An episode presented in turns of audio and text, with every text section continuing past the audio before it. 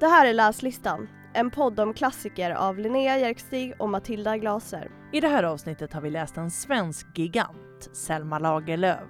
I Kejsarna av Portugalien följer vi en pappas ovillkorliga kärlek och flykt in i galenskapen. Flykt är som ett tema i alla avsnittets böcker. Att fly in i en parallell värld, att längta efter något annat och att låta sig uppslukas av andra personer. Hej Linnea! Hej Matilda! Hur har din läsvecka varit? Den har varit kanon faktiskt. Vad härligt. Plöjt massor av bra böcker. Och inte bara kurslitteratur. Men eh, min kurslitteratur är ju ofta bra böcker. Sant. Det är därför man ska plugga litteraturvetenskap. Exakt. Det är inte så jobbigt att inte kliva upp på morgonen och bara ligga kvar i sängen och plugga. Så avundsjuk. Och så läser man en riktigt god roman. Ja. Nu lät det som jag var från Göteborg eller något. God. Hur har din läsvecka varit? Jo men den har varit bra. Eh, framförallt så känner jag väldigt, med väl, jag känner väl, ser väldigt mycket fram emot nästa läsvecka för jag har så otroligt många böcker på min läslista just nu som jag ser fram emot att läsa. Mm, spännande. Mm, Hoppas man får höra lite om det i podden. det kommer man absolut få göra. Kul! Idag så ska vi tillbaka till Sverige. Eh, vi ska prata om en bok skriven av en svensk författare, närmare bestämt Selma Lagerlöf. Mm. Och vi ska prata om Kejsaren av Portugalien. Som man får säga är en av hennes, men hon har så många eh, liksom kända romaner så jag vet inte om man skulle kunna säga att det är, är en av de största, Mm. en av de mest populära, älskade genom åren kanske. Det känns som att många är de, en av de största och Exakt. en av de mest älskade. Eh, hur mycket Selma Lagerlöf har du läst innan? Det här är min tredje bok Mm. faktiskt. Eh, jag har tidigare läst Gösta Berlings saga Mm. och Jerusalem. Ehm, och jag kan inte säga att jag kommer ihåg jättemycket från dem. Men Gösta Berlings saga läste jag på gymnasiet Okej. och det var en väldigt stor upplevelse då. Ja. Eh, uppgiften var typ läs en bok skriven på 1800-talet. Okej. Och då valde jag den Check. och blev imponerad Ja. över hur kul det kunde vara. Ja, men är inte det lite roligt? För jag har också den relationen till Selma Lagerlöf. Eh, alltså min svärmor som är en, eh, också en stor litteraturälskare Mm. eh, och som verkligen älskar Selma Lagerlöf har liksom i flera år varit på mig om att jag skulle läsa Selma Lagerlöf. Och eh, jag har av någon anledning dragit mig så mycket från att göra det. Och sen så för kanske något år sedan så läste jag Jerusalem Mm. och då liksom min känsla på bara så här, men varför har jag inte läst det här tidigare? Det var liksom en helt annan typ av eh, upplevelse än vad jag trodde att det skulle vara. Mm, vad, på vilket sätt? Jag tror att, liksom att, att jag har lagt henne i någon sorts fack av att det skulle vara lite eh, jag vet inte hur jag ska beskriva det här utan att låta som en idiot ärligt Ja, men talat. beskriv det bara. Ehm. Tänk inte, bara säg. Nej men jag tror liksom att jag tänkt att det skulle vara lite trögt och mossigt och att det skulle vara svårt att relatera till och så här. Och jag tyckte att den var liksom, och, den, och Jerusalem är ju också en ganska eh, lång bok, alltså det är ju Mm. två delar, egentligen är det ju två böcker eh, men idag läser man väl oftast den som en. Ehm, och det var liksom så otroligt lätt att komma in i och jag blev jättefascinerad av eh, de historiska händelserna kopplade till det. Och liksom, äh, det var, jag tyckte den var eh, liksom, kanske inte en av de där böckerna som man går runt och tänker på jättemycket Nej. efteråt men en väldigt trevlig och härlig läsupplevelse. Mm. Men det kan jag absolut eh, relatera till. Men däremot tycker jag att den här boken är den bästa av dem Mm. som jag har läst. Och att det här, eh, den här boken har ju lite tydligare intrig än Ja, de andra. Absolut. Och att det därför blir lättare att tänka tillbaka på den här. För det Ja. blir inte liksom att man måste tänka så stort på ett helt moln av grejer. Nej, den är ju mycket, mycket mer kärnfull. Exakt. Eh, Den fokuserar på mycket färre, för Jerusalem, nu ska vi inte prata om den hela podden, men den är ju liksom så otroligt många karaktärer. Ja. Eh, som du säger, det- och det och lite påverkas nog- olika generationer om jag kommer Ja, ihåg rätt. exakt. Och det påverkas nog också av att den är två böcker från början. Liksom. Att den, eh, liksom, och, och den andra boken som jag minns det fick liksom redan då när den kom ut mycket sämre kritik än den första. Eh, så den, liksom, Mhm. ja, men den blir lite mer utdragen på något vis och som du säger intrigen är inte särskilt tydlig. Men sen finns det delar i den och framförallt eh, i början som jag tycker är extremt, eh, var extremt bra och Mm. extremt starka. Men tycker du Ehm. att den var bättre än eh, Kejsaren? Nej, jag tycker nog faktiskt också, jag håller med dig att, att Kejsaren har någonting annat. Men jag tror mycket att det har att göra med eh, just som du säger att det finns en tydligare intrig, att den är mer liksom koncis och sammanhållen som roman. Mm. Men den har ju då precis som eh, Jerusalem det här liksom språket som är otroligt eh, tillgängligt Mm. på något vis. Och det är inte alltid som man kan beskriva en klassiker på det viset. För den kan ha varit tillgänglig då men kanske inte är det idag av olika skäl. Och jag tycker att hennes eh, romaner om den erfarenheten jag har så här långt känns väldigt tillgängliga. Mm. Eh, En sak som jag inte tyckte kändes så tillgänglig med den här romanen var att den är delvis skriven på dialekt. Eh, Vilket också Kärdalen var av Sara Lidman. Men det var ju en dialekt som jag är Aha. van vid. Ja. Så ibland var det som att jag var tvungen att läsa saker högt för mig själv för att förstå vad de sa. Jag tänkte inte så mycket på att den var skriven på dialekt. Att jag tänkte mer att den liksom var skriven på ett, eh, ett talspråk. Eller vad Mm. man ska säga. För den är ju inte som Kärdalen att det är 800 ord man inte förstår. Utan det är mer att den liksom... Du, Jag, du jag förstod dem. Nej, jag. Nej, men Nej menar men liksom jag att- fattar vad du menar men talspråk och dialekt går lite hand i Ja, hand absolut. också. Men nu till den viktigaste frågan. Ja. Är du beredd? Ja. Vad handlar den om? Ah. Jo, boken handlar ju om Jan i Skrolycka. Eh, han är en eh, arbetare eh, som lever då i Skrolycka som ligger i eh, Värmland någonstans i närheten av där Selma Lagerlöf själv har sitt eh, ursprung, sin uppväxt. Eh, och eh, Jan, när berättelsen börjar så är han en person som inte liksom är så tillfreds i tillvaron. Han eh, har liksom inga riktiga kopplingar till någonting kan man säga. Han, är, han arbetar för en liksom storbonde och han har nyligen gift sig men han har liksom inga så starka känslor förknippade till någonting egentligen. Men så får han sin dotter. Eh, och när han får sitt barn i famnen för första gången då förändras hela hans värld. Eh, han beskriver det själv som att han, han för första gången känner sitt hjärta. Och det gör han dels eh, fysiskt, att hjärtat börjar dunka i kroppen så att han nästan tror att han har blivit sjuk på något vis. Men den, liksom, att han känner sitt hjärta gör han ju även på någon sorts själsligt plan så att säga. Att han för första gången älskar någon på det där sättet liksom, över allt annat på jorden. Han döper dottern till Klara Fina Gulleborg. Och från den dagen att hon föds så liksom kretsar ju hela hans eh, liv kring den här dottern. Och eh, den kärlek som han känner för henne är liksom, ja men den är helt villkorslös och den är så otroligt stark. Ehm, men och, och liksom under boken så får vi följa liksom hennes uppväxt men den liksom stora eh, intrigen i boken då, om vi ska prata om det börjar ju när dottern lämnar det här lilla samhället, den här lilla eh, eh, ofamiljens hem för att flytta till Stockholm. Och förlusten av eh, dottern eh, gör ju då att han, ja, men han tappar ju liksom det som ger hans liv mening. Och eh, det leder då till att han ja, men, väl på, ett sätt för att hantera det här på något sätt ikläder sig en, ja, men skapar en alternativ verklighet där dottern har blivit kejsarinna av Portugalien och han därmed då ju är kejsare. Mm. Eh, och eh, stora delar av den här boken, eller i alla fall typ nästan halva början, handlar ju bara om att gestalta den här kärleksrelationen som de har. Vi får följa dem i olika scener. Eh, en ganska tidig scen är när hon ska vaccinera sig mot någon barnsjukdom Mm. och han eh, hjälper henne genom att visa att sprutan inte var farlig. Ge mig vaccinet. Ja. Så deras kärlek gestaltas ju i alla de här små vardagliga situationerna. Precis. Vilket gör att man känner så himla starkt för deras kärlek och för hans kärlek. Mm. Precis i nedslag från hennes första år till liksom när hon börjar skolan till ja, men alla de här olika liksom, stegen eh, genom hennes uppväxt.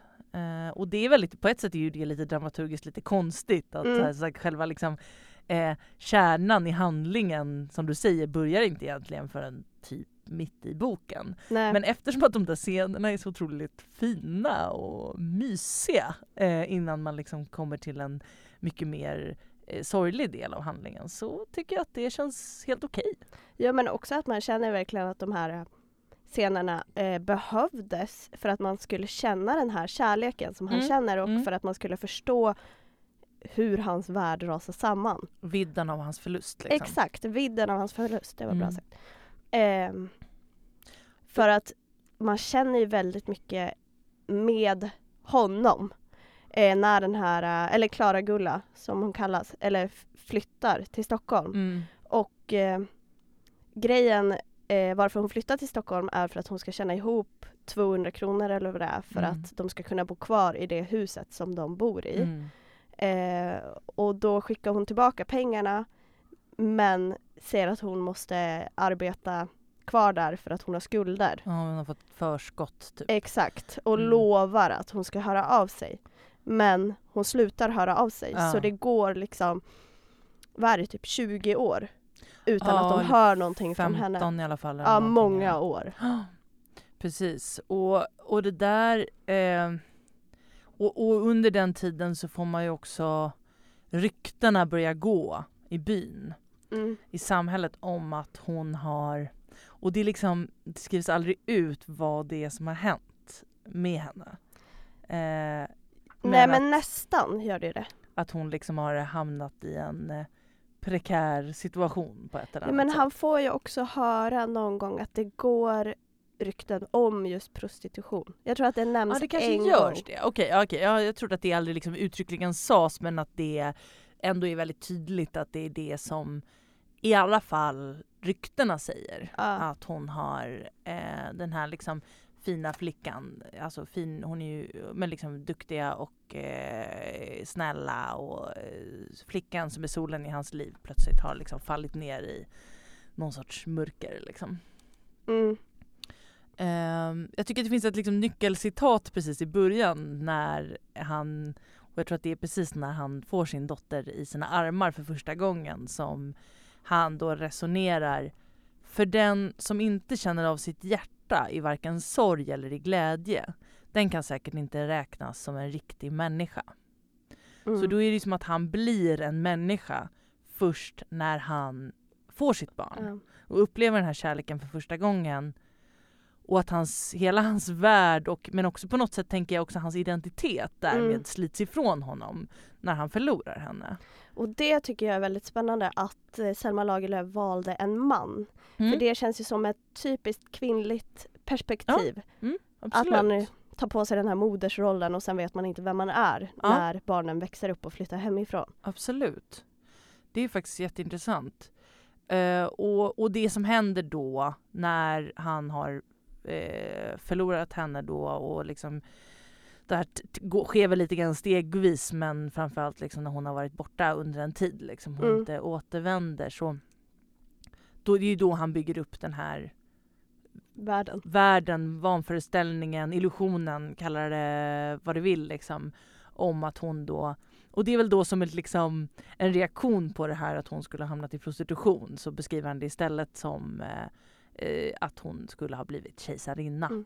Vad tänker du att det handlar om? Är det liksom en försvarsmekanism? Eller är det...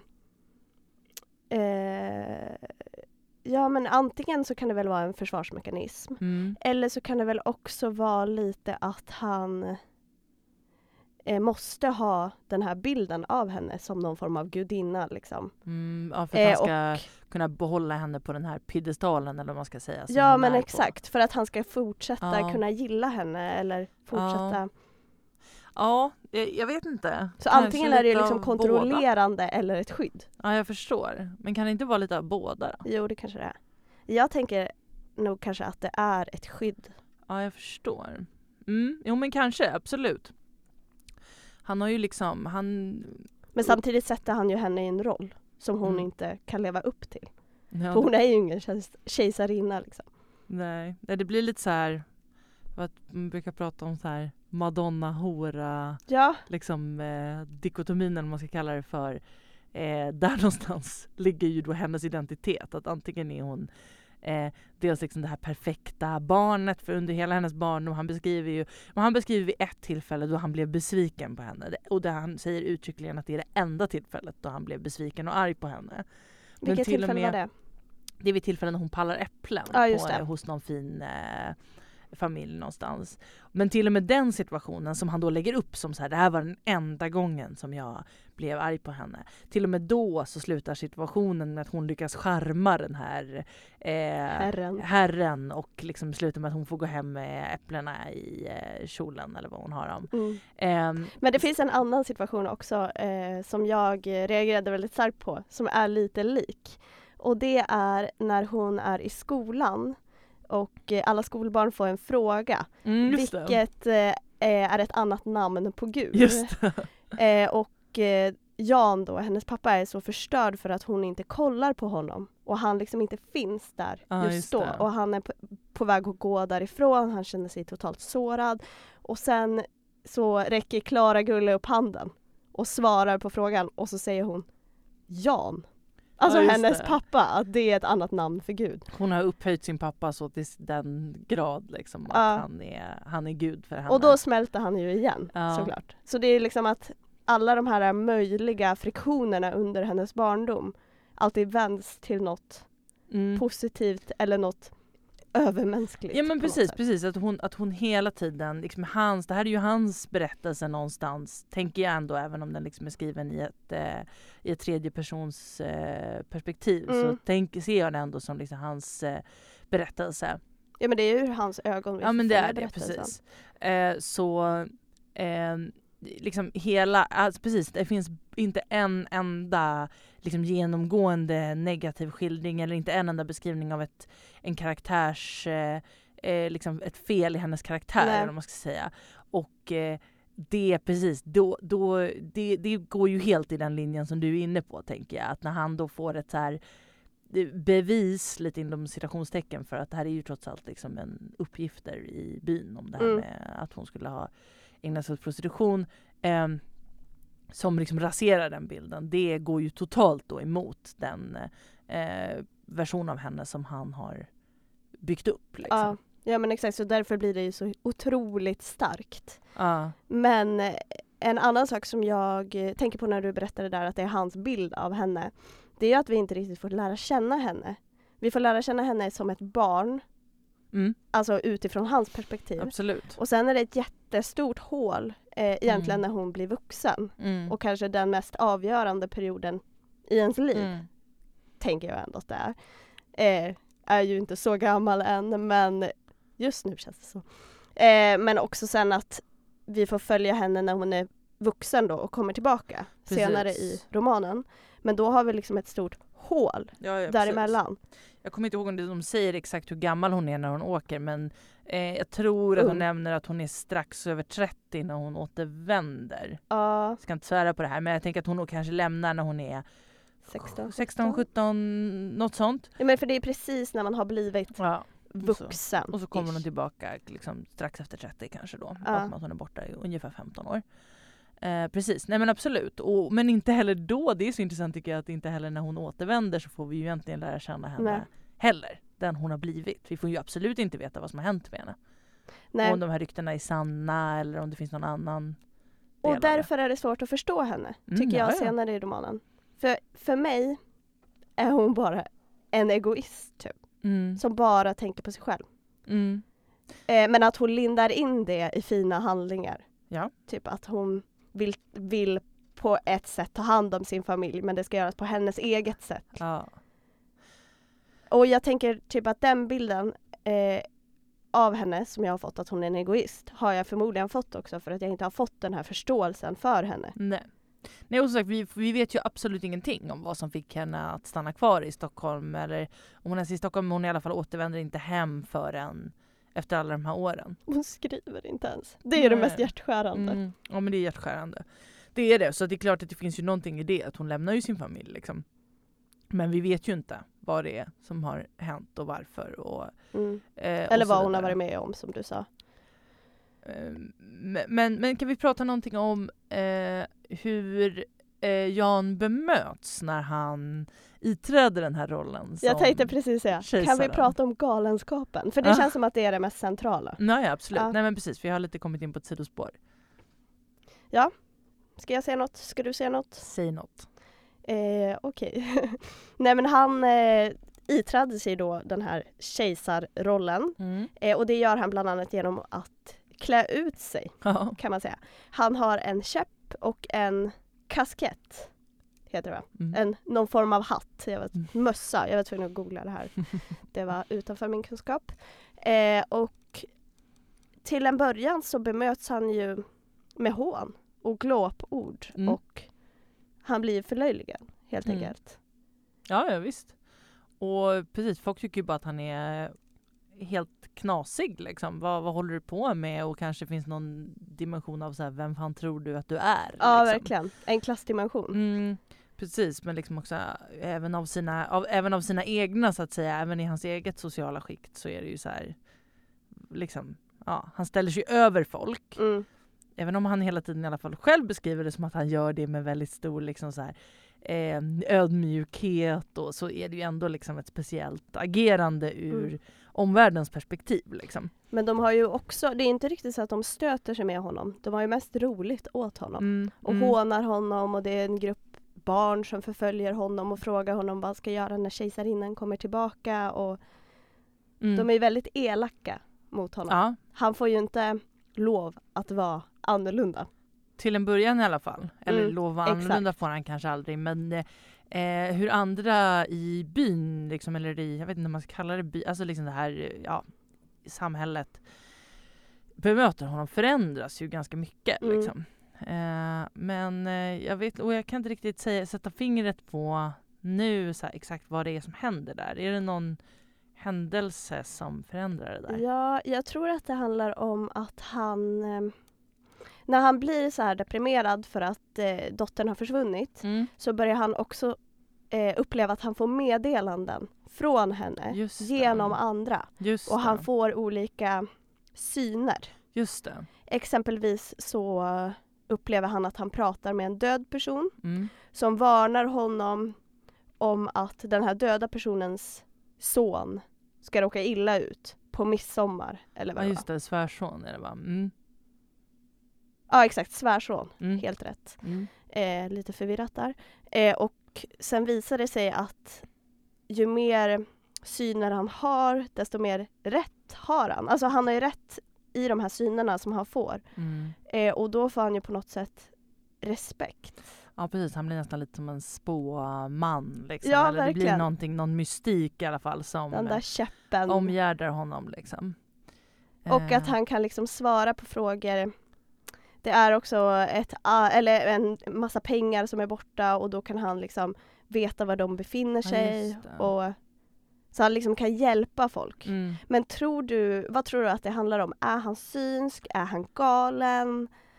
Alltså, jag tänker just det här fallet med den här eh, svärs, för det är ju svärsonen då till den här liksom storbonden Som, han Som- jobbar åt? som han jobbar det. åt och den här svärsonen har ju behandlat honom väldigt illa och lurat honom på den här bostaden och det är ju i sin tur det som leder till att Klara Gulla överhuvudtaget. Reser till Stockholm. Ja, så han sätter ju skulden på honom för allt Precis. som har hänt. Och jag tänker att han, eh, det blir en självuppfyllande profetia det här med att han ska råka illa ut på midsommar.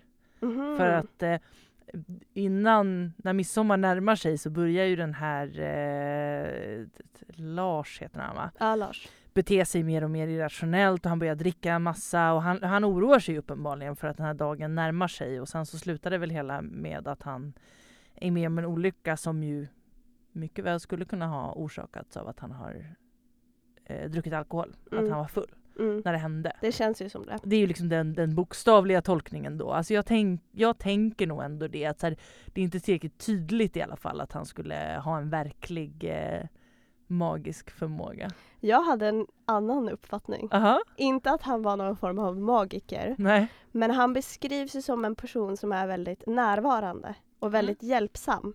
Så jag tänkte nog bara att det var att han var uppmärksam på saker som andra inte var. Jo men så kan det nog vara precis i de andra fallen. Jag tycker i det där Ja, fallet det- just att det, att det är just att han liksom skapar den här situationen. Men absolut i de här andra fallen när han hittar det här om det är ett skuldebrev eller vad det är för Ja. någonting. Och, ehm, precis, att han, ja, men han, han är väldigt upp och det är väl också ett av skälen till att han ändå behåller någon form av respekt hos dem, eller de andra i samhället behåller en respekt för honom, är väl också Mm. att han är ju en snäll Mm.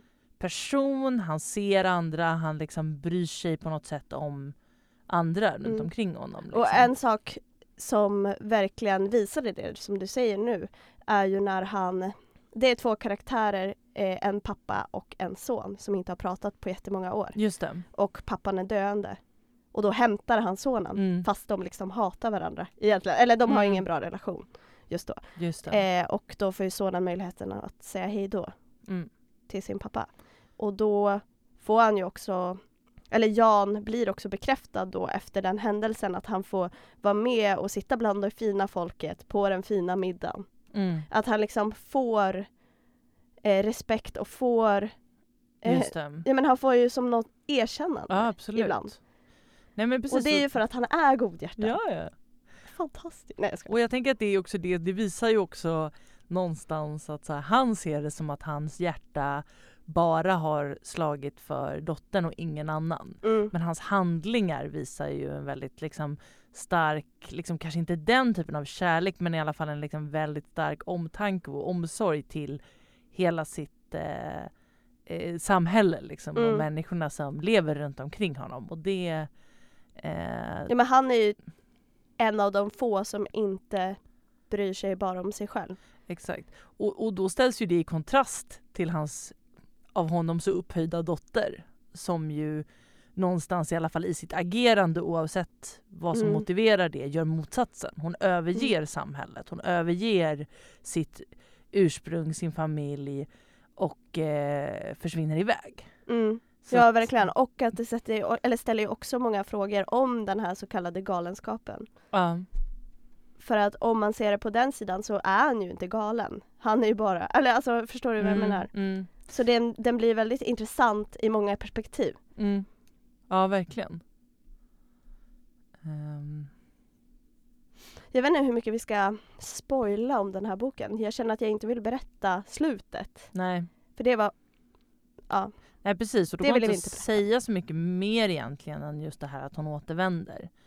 Eh, och att det också ställer liksom lite olika av de här relationerna på, på sin spets. mm, Jag tycker vi måste bara för sakens skull också nämna att Klara Gulla har ju en mamma eh, som ju då är Jans hustru. Vi har ju nämnt innan att eh, han då inte känner att han har haft någon, att han inte älskat henne på riktigt då.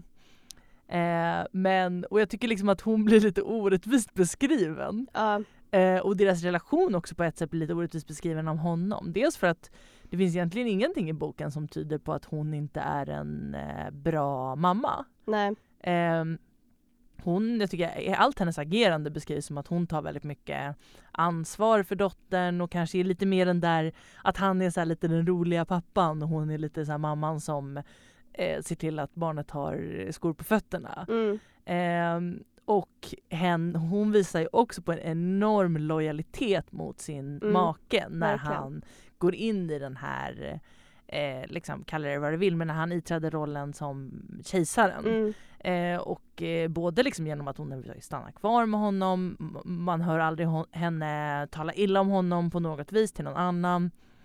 Hon måste också försörja familjen för Mm. att han slutar ägna sig åt sina eh, sysslor, sitt arbete som han ju då ser att det är ju inte ett arbete som passar en kejsare. nej.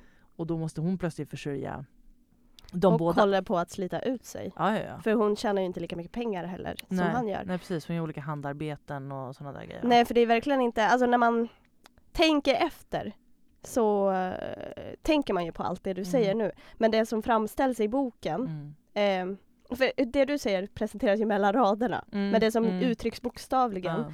det är ju att de har en dålig relation, vill gå ifrån varandra, får den här dottern, kan enas i det. Mm. Och sen när hon försvinner så börjar de undra lite också, ska vi verkligen vara kvar med varandra? Just det, precis. Eh, precis när hon lämnar så är ju deras relation egentligen liksom helt uppe, ut, liksom står på spel totalt liksom.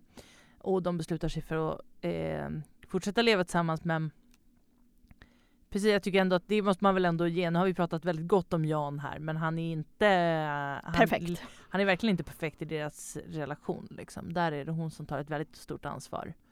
Eh, både för det känslomässiga och för det ekonomiska under de här 15 åren som dottern är borta. Mm. Men jag tycker det finns en annan intressant dimension i den här boken också som är det här liksom har att göra med eh, tiden Mm. och som har att göra med att eh, det finns ju en liksom tydlig, liksom, jag ska inte säga konflikt, men liksom så här förskjutning mellan den generationen som föräldrarna tillhör och den generationen som deras dotter tillhör. Mm. Ehm, och jag har inte gjort någon djupare analys i hur det kan ehm, kopplas till hennes resa, men det framgår ju väldigt tydligt när hon börjar skolan.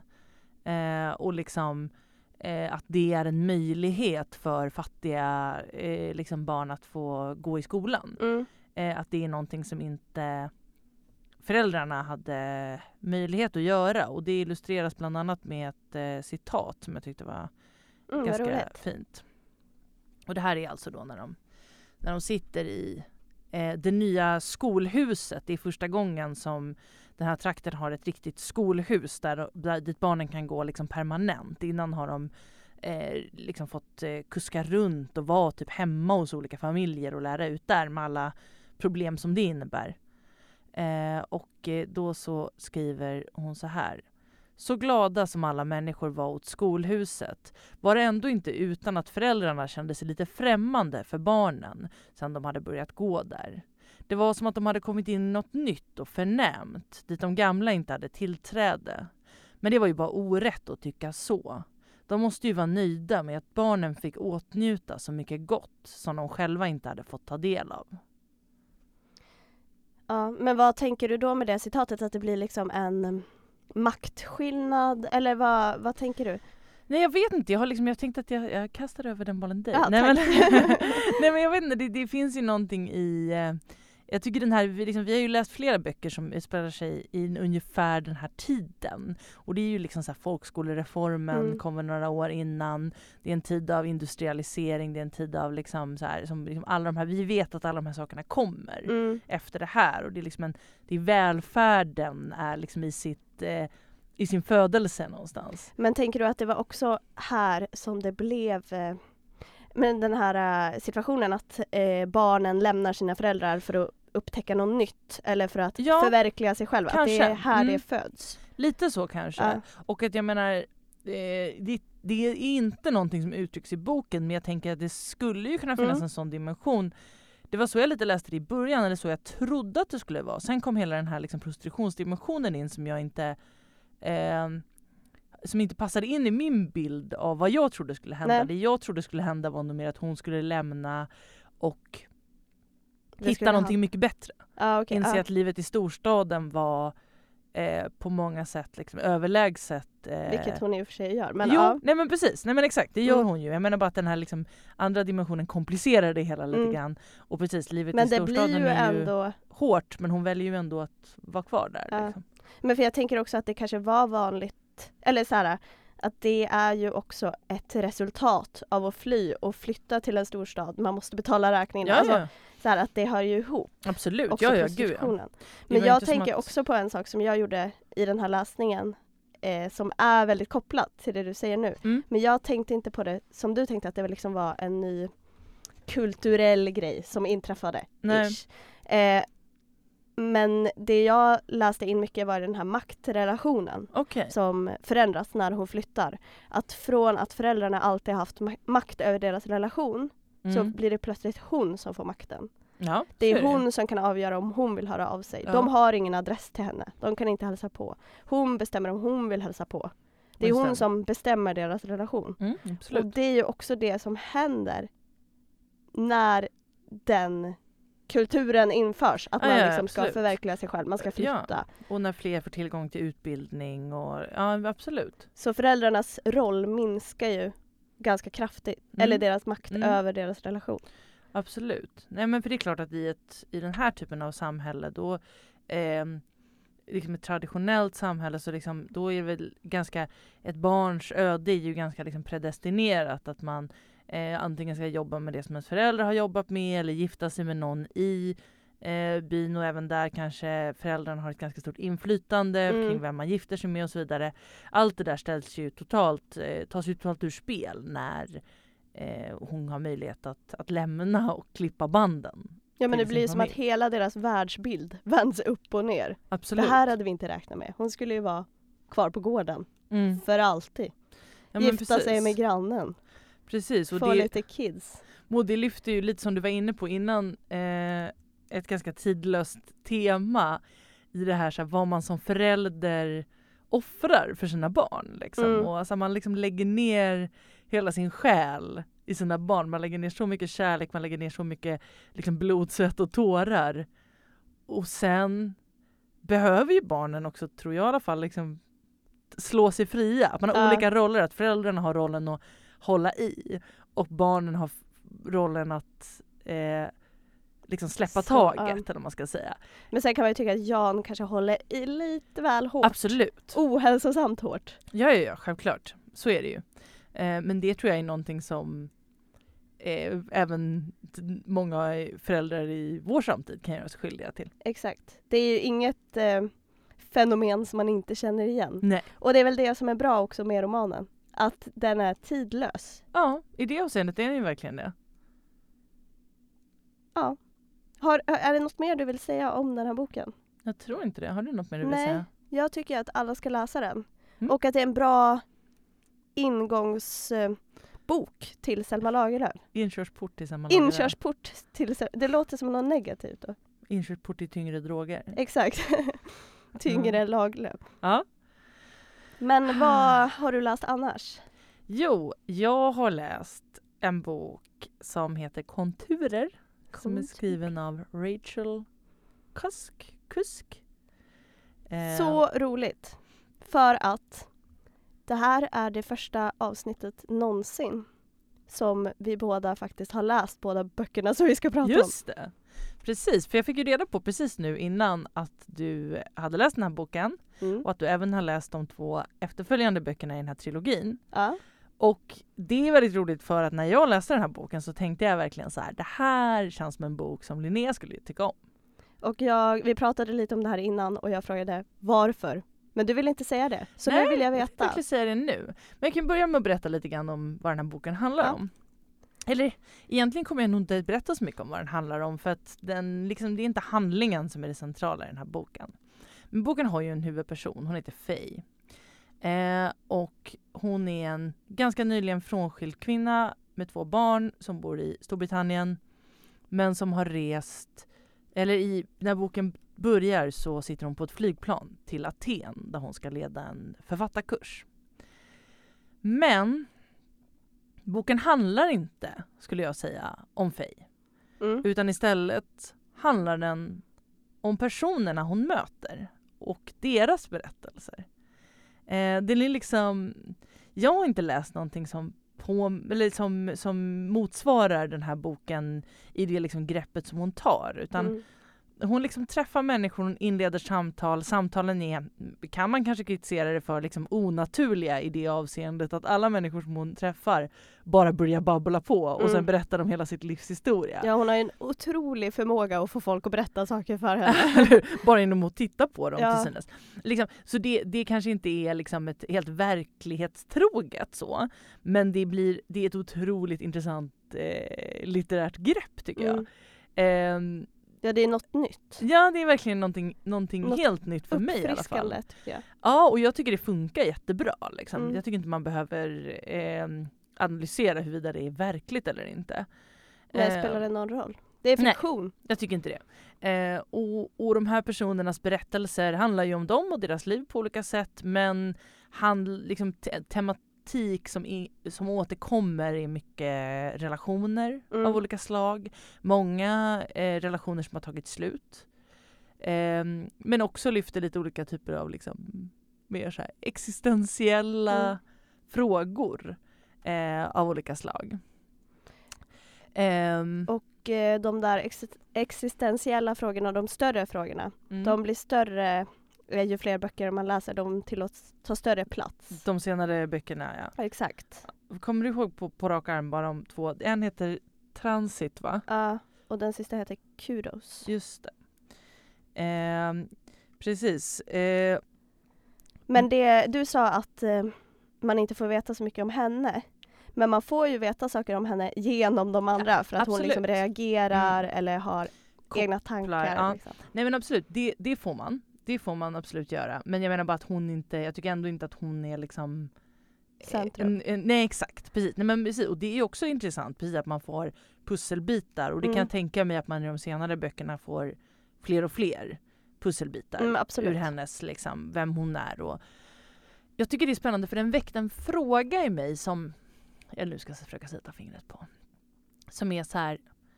Eh, när vi lyssnar på andra människor. Om det i sig är att liksom bygga våran egen identitet. Mm. Att liksom hur vi, att när jag hör dig berätta någonting om dig, då kommer jag medvetet eller omedvetet förhålla mig till det. Mm. Alltså i små saker eller i stora saker, så hade inte jag gjort. Mm. Eh, så hade inte jag tänkt. Det där har jag varit med om. Det där har jag aldrig varit med om. Att det i sig är liksom att vi bygger vår egen identitet. Och det går ju lite in på det du säger, att vi får veta saker om Faye genom hur hon Mm. reagerar på andra människor. Jag tyckte det var så här, det var liksom en, det är nästan en, eh, alltså det är en, så, det är en otroligt stor fråga liksom som Mm. Men det växer är i en otro, otroligt stor tanke också. Som, man, eller som jag kan känna innan att jag inte har närmat mig så Nej, mycket. den är superspännande tycker jag och jag tror att den kommer jag verkligen ha med mig och fundera på i andra sammanhang. Liksom. Och jag ska bara säga en sak till om den här boken Ja, som jag det. tycker är lite god i kontrast till de här väldigt stora frågorna. Så är den också så här, det är så gött på något vis att den utspelar sig i Aten. Mm. Och den har verkligen den här speciella känslan som böcker som utspelar sig kring Medelhavet kan ha, eller Mm. i s- södra Europa. Alltså, man liksom känner så saltet eh, på huden eh, när man ligger liksom vid eh, och solar vid Medelhavet och man blir sugen på att sitta på en uteservering i skuggan och Mm. dricka lite vin medan så här den intensiva Aten-trafikens bullrar utanför. Kontinentens kaos. Exakt! Och det, det står i väldigt stor kontrast då till de här väldigt stora frågorna Mm. som, eh, som, som tas upp i de här samtalen som utspelar sig på de här platserna. Och det gillar jag och det var också någonting som jag tänkte att du skulle gilla för jag tänker att du gillar skildringar av Sydeuropa. Ja, jag älskar det. Men jag, jag klarade nästan inte av när du berättade det här eh, om den här miljön. Mm. Jag, bara, jag vill dit. Ja, jag vet. Det är så fantastiskt. Det var så jag kände också. Ehm, ja, vill du säga något mer om den boken? Mm, nej, läs alla tre. Ja, men det kommer jag definitivt göra. Eh, Slutet på den sista boken var totalt oväntat. Jag ser fram emot det. Och de här böckerna är, de är ganska korta. Eller den första är kort Mm. i alla fall. Ja, de är ungefär lika långa allihopa. Eh, alltså jag läste den på liksom, t- två kvällar liksom efter. Nu blir man skrytsam. Nej men liksom den är... Nej, jag skojar. Nej men jag, jag, jag säger det som en, som en jag, det är ett säljargument här som jag Mm. försöker lägga fram till våra Det är inget lyssnare. åtagande. Det är inget åtagande att läsa de här böckerna. Eh, men man, så man får, man får mer tillbaka i de här tankarna som väcks än vad man, än vad man ger. Det är fint.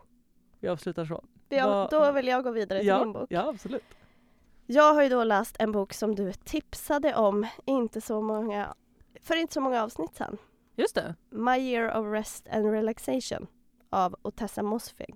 Vilken tur att vi tar den igen för jag kände när jag pratade om den att jag var lite rörig i Ja, min den- beskrivning. Den är ju lite svår att beskriva för den, alltså handlingen går ju att beskriva på en mening, eller tre ord.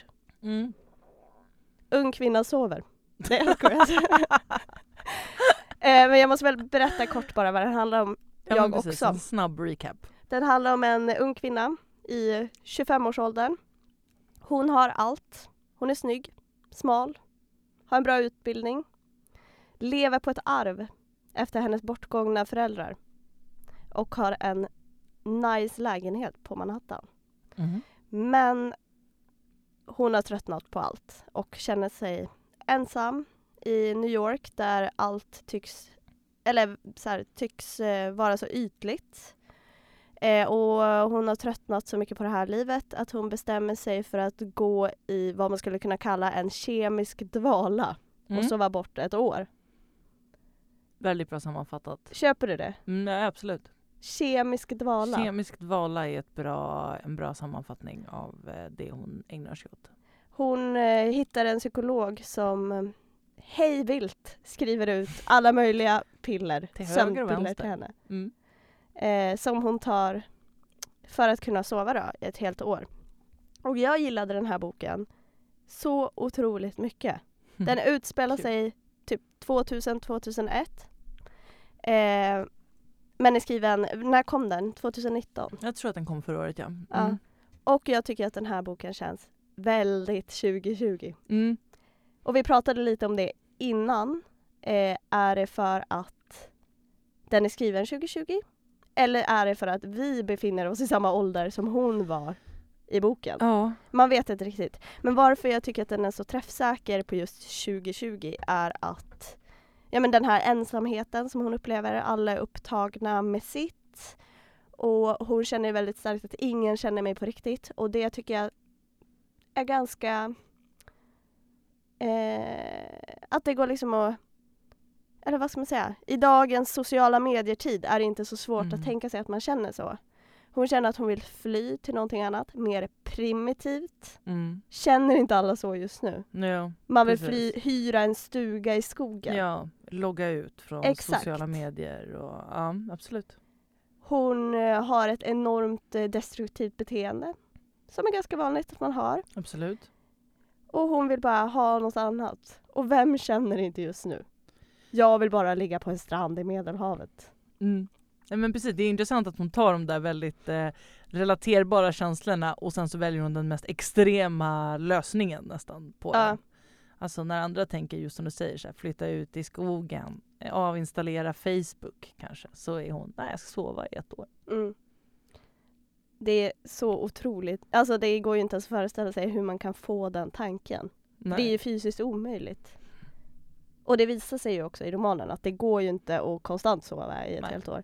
Och att hon går ju mycket i sömnen. Liksom. Mm, ja, precis, det får väldigt mycket olika konsekvenser för hennes fysiska och psykiska hälsa också, även det. Ja, verkligen. Men det känns som att det här, eller det känns som att det här är en bok som eh, tilltalar eftersom den verkligen skildrar vår samtid. Mm. Som jag upplever den i alla fall. Mm. Den är väldigt on point. Och jag skulle vilja läsa ett citat Mm. i början, det är inga spoilers här, eh, som är en eh, konversation mellan vår huvudperson och hennes bästa kompis Riva. Säger man Riva? Tror du? Riva. I'm not a junkie or something, I said defensively. I'm taking some time off. This is my year of rest and relaxation. Lucky you, Riva said. I wouldn't mind taking some time off from work to loaf around, watch movies, and snooze all day. But I'm not complaining. I just don't have that luxury. Mm. Precis.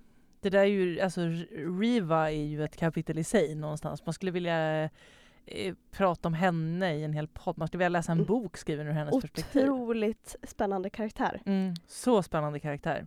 Men jag tycker också att det här säger väldigt mycket om eh, huvudpersonens Ja, liv. så här, vem har den lyxen att kunna göra det? Precis hennes privilegier. Liksom. Exakt. Men också den känslan som man kan få när man möter personer som är less på allting och vill fly. Eh, så kan man ibland känna så här, men det vill vi alla. Skärp dig. Mm, precis. Vi andra bara krigar på. Exakt. Liksom. Mm, absolut. Och det, precis, det finns verkligen två dimensioner i det där. Den ena är liksom att hon är så otroligt privilegierad på alla sätt och vis. Och det är hon ju väldigt, karaktären är väldigt transparent med det. Hon är Mm. väldigt medveten om sitt eget privilegium. Men också vad otroligt litet privilegium är värt. Om Mm. ens liv känns helt tomt. Exakt. Och det är ju många saker som Riva har som hon inte har. Som kan uppfattas kanske som ett större privilegium. ja, precis. Exempelvis att Riva har en närvarande eh, kärleksfull familj. Ja, Vilket Exakt. huvudpersonen aldrig haft. Ja, även när de levde. absolut. Eh, ja, och de har ju liksom, de är ju som så här, de är ju som att karaktärerna är formade för att vara i total kontrast till Mm. varandra i nästan alla avseenden. Att just när det gäller liksom deras fysiska utseende, när det gäller deras bakgrund, när det gäller drivkraften. Och det, det betyder absolut inte att Riva är perfekt på något vis. Utan Nej. hon drivs ju otroligt mycket av och det kunde jag personligen relatera till väldigt mycket också, till henne. Att här, drivas av någon sorts känsla av vad man bör göra. Mm. Och, ehm, jättemycket av hennes liv liksom formas av hur andra människor uppfattar henne och hur hon eh, liksom, vad hon måste göra, hur hon måste träna, vad hon måste äta, hur hon måste bete sig på jobbet för att Mm. uppfattas som eh, ja, för att vara värd någonting kan man väl säga. Ja, men hela hennes liv kretsar kring att försöka passa in. Exakt. Och, och där, där i ligger ju bland annat huvudkaraktärens privilegium att hon har aldrig behövt bry sig om det. Nej, För att hon är liksom gångbar i alla sammanhang utan att behöva arbeta för det. nej, för det är en självklar plats för henne att vara på. Exakt. Men också eh, tycker jag att det är väldigt roligt för att hon pratar ju väldigt mycket skit om Riva Mhm. och eh, ser väldigt mycket ner på att hon försöker så mycket. Absolut. Det, det är en rolig bok. Läs Ja, den verkligen. Det, det är så konstigt att säga att det är en rolig bok men det är det verkligen. Och också en väldigt jobbig bok på Mm. olika sätt. Men den är, väldigt, den är också kul. Den har ju väldigt svart humor verkligen. Svart humor, ja verkligen. Ehm, Ja. Ska vi sätta punkt? Jag tycker det verkar som att det är dags för det. Tack för att ni lyssnar. Det är snälla. jätteroligt. Följ Eh, oss på podden Läslistan, podden Laslistan på Instagram. Ja, och eh, sätt betyg på våran podd i Podcaster så blir vi jätteglada. Jätte, jätteglada. Ha det fint. Hej då! Hej då!